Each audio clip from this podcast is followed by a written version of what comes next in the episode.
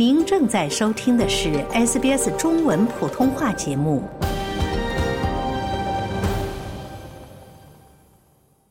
从法律角度看待社会现象，以专家意见指点生活迷津。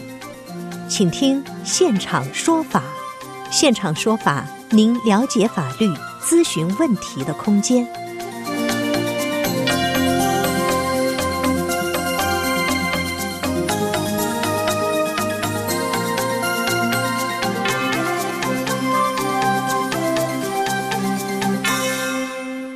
听众朋友们，欢迎回来！欢迎您继续收听 SBS 广播中文普通话节目。现在我们又到了现场说法的节目啊。我们今天连线本期节目的嘉宾，Lauren Legal 朗伦律师事务所主任张卓轩律师。张律师，您早！您早，主持人。哎，我们今天欢迎您做客我们的节目。我们今天想讨论一下关于在澳大利亚结婚相关的。注册婚姻和事实婚姻期间的一些问题，以及包括两个人分手之后可能会产生的一些财产纠纷。那么，首先我们来聊一下关于这个案例啊。二零一九年，一名名叫塔拉里奇的澳洲女性，因为性格不合等原因，最终与同居两年的男友准备分手。塔拉和她的前伴侣曾经有着良好的感情，并且。塔拉二十岁出头就有了自己的企业，她还与男友一起买了一处房产。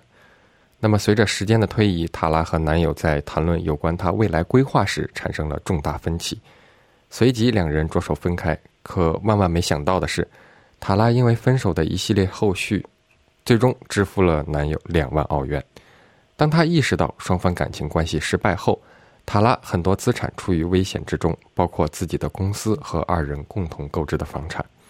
那么，塔拉花了近半年的时间，尽可能多的去存钱，并准备支付法律费用和搬家费用，以便达成和平分手的财产协议。塔拉并没有意识到这件事情的复杂性。当爱情破灭时，她可能会震惊的发现，男朋友竟然可以拿走她一半的财产。那么，在澳洲同居分手，伴侣可以分走你一半财产，是有相关法律依据的。那么。澳洲法律关于同居的关系是如何规范的？今天有请张律师来和我们聊一聊相关问题。呃，在刚刚您说那个案例当中的话，呃，首先想要澄清的一点就是说，啊，一定可以分一半这个说法其实是没有依据的。嗯。呃，因为就算是像您说的事实婚姻也好，登记婚姻也好，它总是有一个呃规范来去判断说。呃，究竟这个比例会是多少？嗯，那么具体来讲的话，法院的话一般遵从的规则就是，呃，首先他们会要看你有多少，双方有多少的财产和债务，呃，那么能够看就是双方要把财产和债务放到一起来去审的，这时候呢，就先会有一个门槛。那如果是注册婚姻的来讲，那就没什么好说的了。你只要注册了婚姻，包括您刚刚讲的。这个同居关系，也就是事实婚姻来讲，那只要你是注册了的话，那么都是可以要求把所有的财产先放到一起来看，说下一步该怎么样分。嗯，那同居关系如果没有注册的话，你必须要这个关系维持两年以上，或者是说这个同居关系当中已经有了共同的孩子。嗯，并且呢，这个同居关系。这个期间的话，双方要住在澳洲境内的时间要超过同居关系的三分之一。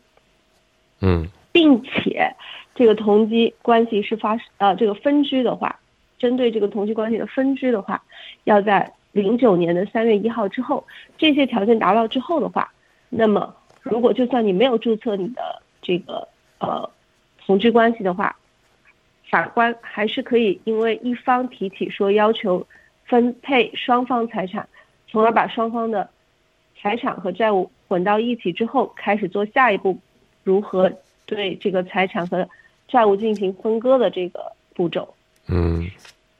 那么，除了财产分割这块之外的呢，还会涉及到一方还可以申请，比如说，如果长期另一方要提供自己的生活费，自己一下子没有办法找到工作的话，可以要求对方提供赡养费。嗯。那么文章中提到，有的人可能不了解什么情况下是同居关系，什么情况下只是男女朋友关系。那么这个在法庭上他会是怎么样的一个判断呢？呃，因为很多人因为不想要是进行对自己的财产进行分割了，当然他会提出来说，我们并没有是稳定的同居关系，我们就是呃谈朋友。然后 谈朋友，这个男女朋友结束之后的话，自然就不应该在金钱上任何瓜葛。嗯。那么 法官呢？呃，通常听到这种情况的话，就会要求双方提交证据。证据所关注的焦点呢，主要有，比如你们双方的关系一共持续了多久啊？嗯，什么时候开始的？然后什么时候结束的？然后，如果说你们两个，啊，是男女朋友的话，有没有共同出资买房产啊，或者是共同出资租租一个房产，或者是两个人住在一起，还是说一人有一个住所，偶尔到对方的住所去聚会一下？嗯，这些都会影响到法官决定说你究竟是同居还是男女关系。打比方，如果这两个人存在了这个。十多年的这样子的关系，一方仍然说我们只是男女朋友关系的话，那么可能法官就会认为更倾向于要再看一下其他的因素，然后他会更倾向于说你们这个可能更多是同居关系。嗯，然后这个其他因素还有什么？比如说你们十几年的亲密关系的话，你们呃这个关系是不是比较稳定呢？你们双方是否给对方有礼物、有钱财的资助啊？还有就是有没有让双方的父母见过面啊？互相的朋友是否认识啊？相互之间是否介绍过呀？等等这些，还有就是有没有一些共同的生活承诺？比如说，呃，就跟正常夫妻一样，大家你一方通常是女方啊，就照顾男方和自己的这个起居生活呀，嗯呃，一起吃饭做家务，还有就是。跟自己的邻居还有朋友介绍的时候，就会说这是我爱人啊什么，就这些用词等等的话，都有可能作为证据。这些证据越多的话，那么法官就会越倾向于判断说双方应该是没有注册的同居关系，嗯，进而应该认定说他们在财产上面已经有一定的交融，然后应当分割。那比如说像刚刚主持人您讲到的，呃，看到新闻上的这则。我觉得他之所以提到说有可能倾向于双方有可能会更是啊一半一半的财产的话，很有可能在这个女方创业的过程当中，这个男方在钱财上或者是在他的工作当中的参与度是比较深的。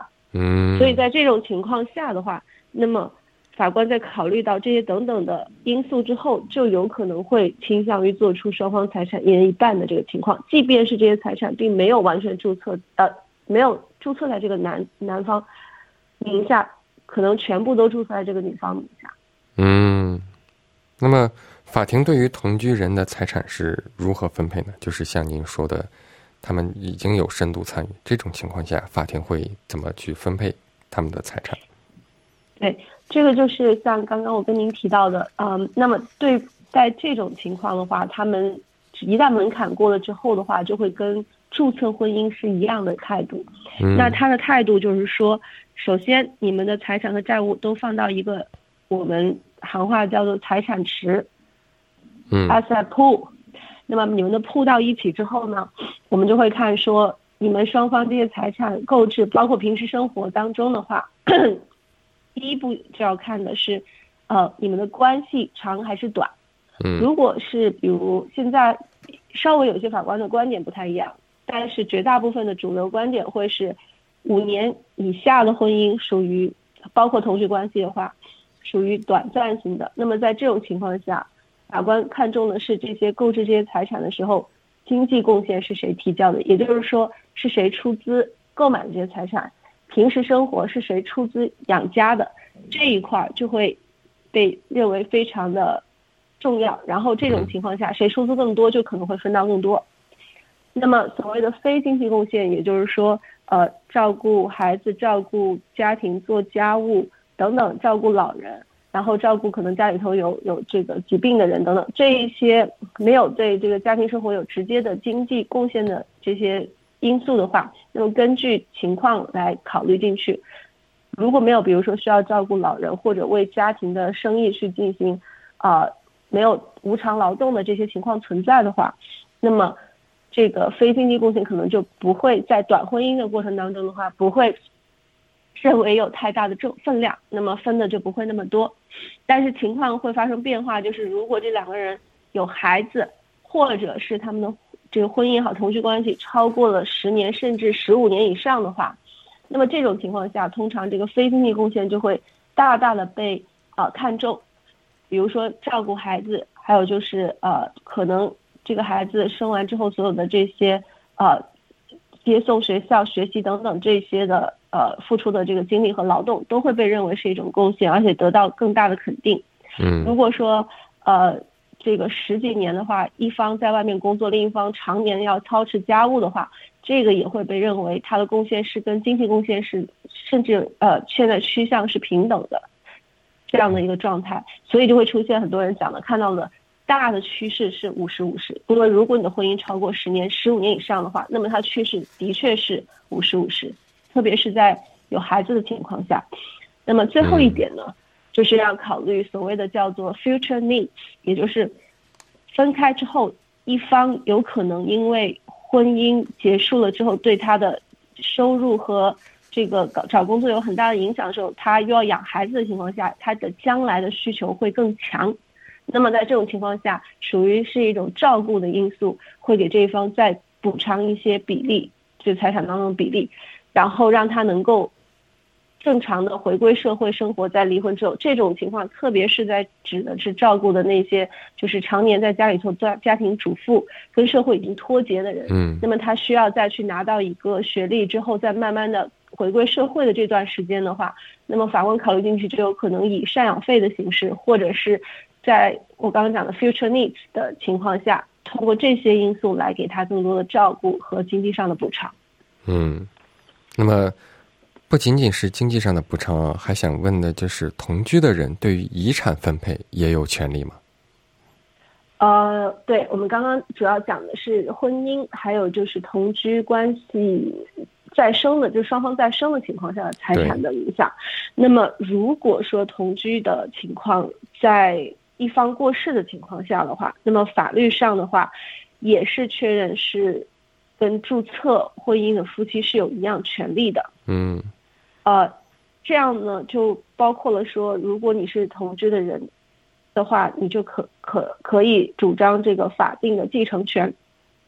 如果在没有遗嘱的情况下，嗯，如果在没有这个呃过世的人有其他亲人去挑战 你这个继承权的情况下，那么如果是有遗嘱的话呢，这个遗嘱的话。如果说这个赠与的部分，比如说呃，他给他留的这个财产，还留给了一些其他人财产，更多情况下我们看到的是，可能是给自己的子其他的婚姻关系或者同居关系当中的子女留了财产的话，那么这个同居关系的人也是可以说认为给自己的部分不足以满足其正常生活需求等等因素，提起要求，呃，重新。不按遗嘱进行而重新进行公平的分配的这种请请求，像这种请求权的话，如果你不是同居关系人的话，是没有权利提出来的，就一般的人是不可能随便这样提出来的。嗯，呃，然后还有就是啊，当然还有包括，比如说如果他是意外死亡的，工作期间死亡的，有一些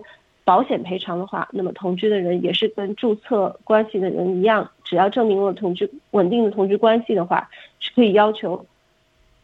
得到这些保险的赔偿的。嗯，从法律角度看待社会现象，以专家意见指点生活迷津。请听现场说法。现场说法，您了解法律、咨询问题的空间。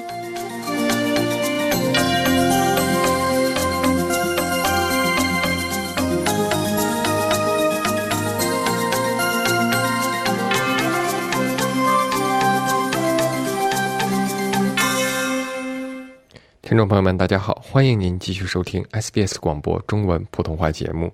在刚才的节目中，张律师从案例出发，和大家聊了聊关于澳大利亚法律婚姻与事实婚姻，以及关系结束后的财产分割等话题。接下来，让我们接听听众热线，第一位是庄女士。喂，庄女士，您好，能听到吗？嗯，听到听到了，怎么跳掉了？嗯，哦，好的，老师好啊，可以说了吗？呃，您可以讲，您您请讲。啊啊啊！我有两个问题，第一个问题就是说，我的资产，嗯，转到我儿子个人的账户上，嗯，然后呢，就是他们婚姻如果有问题，出问出现问题了，我这个资金安全不安全？这是第一个问题。第二个问题就是说，呃，不是在这里住满十年嘛，连续五年在这里住满。嗯，如果我在这个当中我四年了，我如果回国，我我待多长时间还可以连续的当中不间断的？就这两个问题，谢谢。呃，庄女士，首先第一点就是，无论任何的钱或者房子，你没有放在你个人名下，放在你儿子名下，那你儿子如果说像我们刚刚提到的，跟别人同居超过两年以上。或者是他跟别人登记结婚的话，那么对方都有可能会主张这个钱是你儿子的钱，不是你的钱，所以都会有问题。那您第二个问题，因为我不是做移民的律师，那么我的建议是，您如果想要详细知道这个情况，您最好要去咨询一个专门就是做移民的移民中介或者律师。哦哦，好的好的好的，哦哦，就前面一个问题就是说，他们婚姻持续两年，你资产放在他那边还是有问题的，对吧？呃，我刚刚说的是同居两年以上，还有就是只要是结婚登记了，那么一旦他们离婚的话，您这个钱都有可能会被对方主张是您儿子的钱，所以他有权利进参与分配。哦，那么至于他能不能，但至于他能不能分到，那是另一回事，因为你们可能会主张这些钱跟你儿子没有关系。但是你你刚刚问到是有没有可能会受到威胁的话，那的确是会有存在这个问题的。存在这问题的。如果我有银行转正呃转账这个单子呢？呃，还是那句话，就是你之后去怎么争，那就是不确定性。但是你说这个事情，他对方有没有可能主张呢？那是可以的。嗯嗯哦，好的好的，我知道了。好的，谢谢啊。嗯，谢谢庄女士，祝您顺利。谢谢谢谢。那么下面我们接听吴先生。哦，你们好，早。嗯，吴先生您好。因为关于现在我我我看了，我住在澳大利亚四十多年，因为现在澳大利亚离婚相当多。假使说我们一个人，我们离分开也好，我们要大方一点，不要说哎呀你要分多少，你要拿多少。其实钱财我们是很喜欢，不过我们的心情不高兴，因为有时候女人帮我们有孩子生的，那么我们一定要付出代价多一点给她，这个也是应该的。所以我的做人就是这样。我们可以。请问今天是有法律问题要咨询吗？我们是这个法律热线。对，那个法律的问题，结婚分开财产，好像说以前我分开跟我的妻子，他说他要三份，我讲好，你拿去。那么因为我他有以前跟我生两个孩子，为我的孩子也是相当大了。其实我们要做男人放松一点。谢谢，没有了。接听听众热线，下一位是傅先生。傅先生，你好。啊，你好，主持人，呃，律师好。然后我想咨询的问题就是关于福利部，呃，跟我们要钱，就是呃，我们说我们呃以前给我们的给孩子的牛奶金，然后有我我们有一年的收入收入可能呃超过了那个超过那个标准了，然后要呃跟我们追缴一些追缴一些那个。福利金回去，我我想问一下，这个这这个问题可以吗？喂，主持人你好。嗯，可以的。我们我们这边可能连线有一点问题。哦，请您稍作等待。好嘞。这会儿可以听到了吗？呃，我能听到。嗯，请再哦述重复一遍您的问题，谢谢。啊啊，律师你好，我想咨询就是福利部关于福利部追缴我们嗯、给孩子牛奶金的事情。呃，对，您您可以问您的问题。啊，福利部有权利追追缴你，呃，就是 overpay 你的钱，就是他们计算之前，如果计算的数据也好，还有他们计算本身有有错误之后发现的话，他都可以，如果他有 overpay 你或者是少配你，他都可以在之后做调整。哦，是前一段时间我们跟打跟他打电话问过这个事情，呃，第一个人接的呢，他说是我们给你和解金了，大概是五十几块钱的钱，五五十几块钱转到我们账户上，然后我老婆跟他讲说，嗯、那那个钱也不是我主动跟你们要的，然后你打到我的账户上，我也没有办法拒绝，那就是你收了，你收了之后，这个就是说明你已经同意和解了。然后我们又他又给我们其他一个电话，是福利部呃中文的中文中文热线，然后他讲他看了我们的那个资料，他说你当你当年的收入已经超过那个标准了，所以说可以要要把那个钱追缴回来。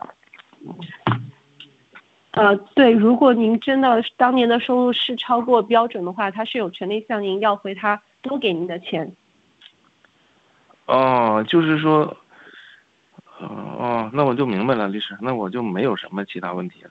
嗯好，好，那谢谢你，律师。嗯，没事。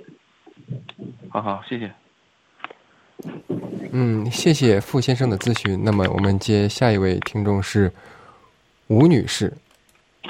哎，你好，我现在说话您听见吗？嗯，哦，我就想问个问题，和别人同居的话，那么我在同居之前，我把我的财产分给我的子女，这可以吗？哦，这个就是讲什么时候可以算有效的？这个就以对，如果您是在同居之前把您的财产赠与给您的子女的话，那当然您就相当于没有把任何的财产带入到你的无论是同居关系还是婚姻当关系当中。那你在同居或者婚姻前赠与给其他人的行为的话，那您之后的配偶是没有权利说你这个是有什么问题的。这个要多长时间是算有效的？比如讲，我啊，您赠与完就有效，您赠与完就有效。哦，OK。那么张律师可以把您的电话给我吗？我我想我有些问题想呃，吴女士是这样，因为如果是正常情况下，我们是商业公司，是不可能提供免费的咨询的。所以哦，说，对，我呃我，知道。对，所以说您如果需要我们的联系方法的话，您可以在广播节目之后的话，您可以跟主持人联系。哦，广播之后是吧？OK。嗯，哦哦，OK。另外一讲，你就你说同居两年以上，双方的财财产如果都是一方付的，另外一方没有付，只不过是生活一起，生活在一起，我生活上面做些贡献的话，这个也有平分财产的权利嘛？呃，刚刚我强调过，就是两年以上同居关系，只是进入门槛，就是有没有可能把你们的财产放到一起分。那具体怎么分，是不是对半分，那就要看刚刚我提到的经济贡献、非经济贡献、婚姻长短，还有就是有可能对呃一方在分居或者离婚之后的需求，这些双方之间有没有孩子，这些因素来共同决定的，啊、是一个非常复杂的问题。哦，OK，好，谢谢你。如果共同居住的房子，但是这个居住的房子只是有一方一方的东西，另外一方没有任何经济贡献，那么这个房子该怎么分呢？呃，还是刚刚我讲到的情况，您现在只是讲的假设的情况，相当于说经济贡献是完全由一方提供的，但是这嗯两方有没有孩子，他们俩的关系持久多少，还有这些都会影响到最后这个比例的。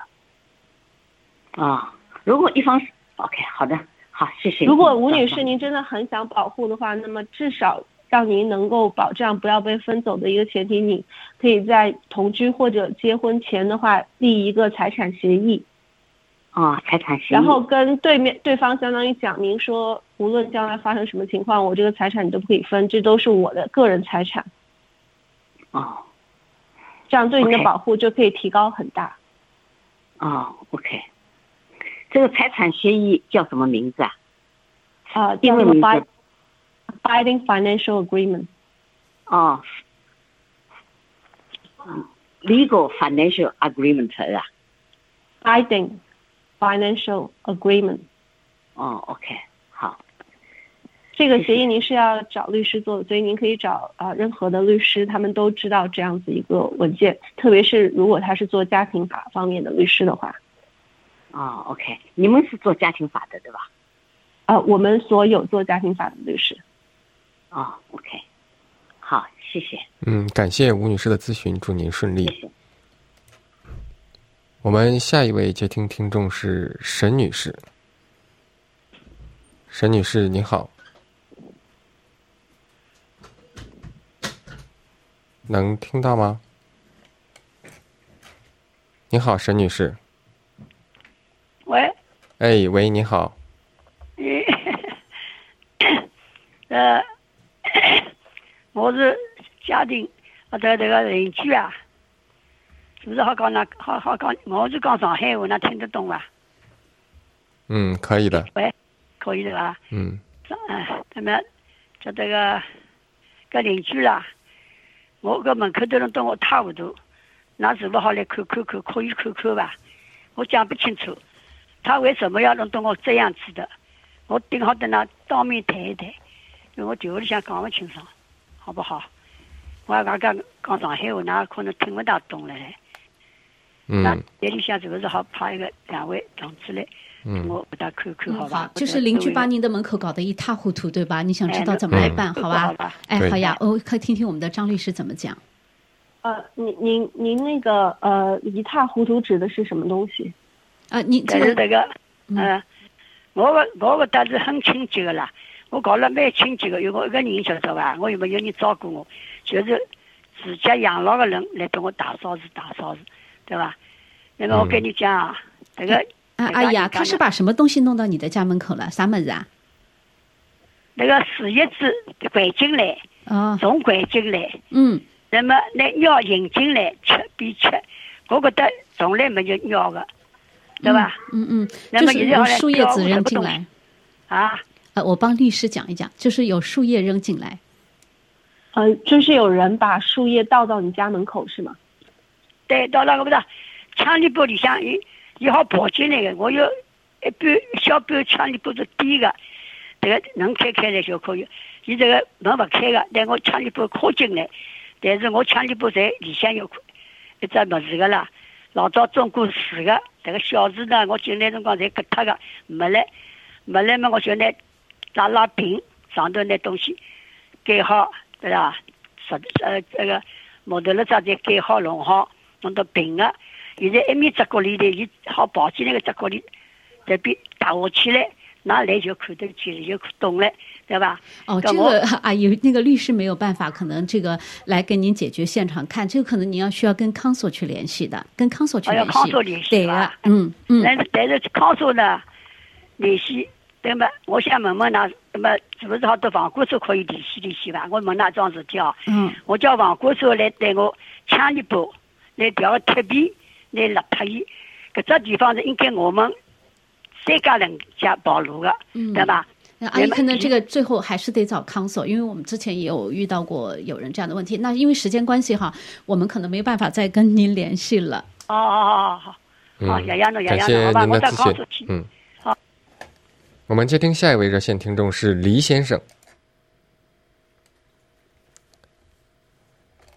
喂，你好。喂你好。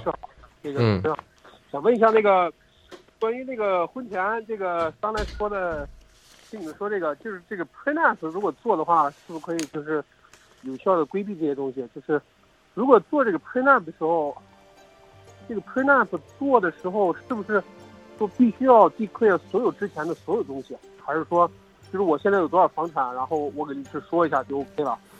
很抱歉，由于时间的关系，今天的节目要和您说再见了。感谢朗伦律师事务所 Lauren Legal 主任律师张卓轩从案例出发给大家介绍相关问题。个人情况因人而异，法律问题复杂，本节目仅供一般性参考，并无意提供个人任何法律建议。想听到更多这样的故事吗？您可以通过苹果播客、谷歌播客、Spotify，或者您喜爱的方式下载收听。